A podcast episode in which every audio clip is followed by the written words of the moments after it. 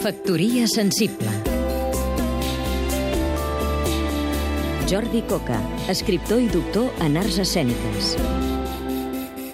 Ara que es parla tant de si és convenient o no la presència d'animals en el circ, hem de recordar que a partir de 1874 un tal Karl Agenbeck, que era caçador i fins aleshores subministrava animals als zoològics europeus, va decidir que havia arribat el moment de fer zoos humans i va organitzar una mostra itinerant d'homes, dones i criatures lapons amb els seus vestits tradicionals. Tot això va tenir tant èxit que ben aviat el trobem passejant per les grans capitals europees grups de sudanesos que havien estat capturats amb aquest propòsit. I és únicament un exemple, ja que després va raptar indígenes de Xile, els va exhibir per Alemanya amb permís del govern i finalment els va cedir per a ser utilitzats en experiments a diversos laboratoris i hospitals.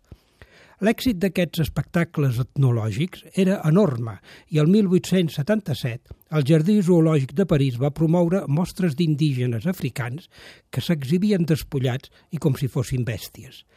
Com que aquestes monstruositats agradaven, es van anar repetint durant anys. A les exposicions internacionals, per exemple, es representaven reconstruccions de poblats negres amb més de 400 africans que havien estat esclavitzats únicament per a ser exhibits.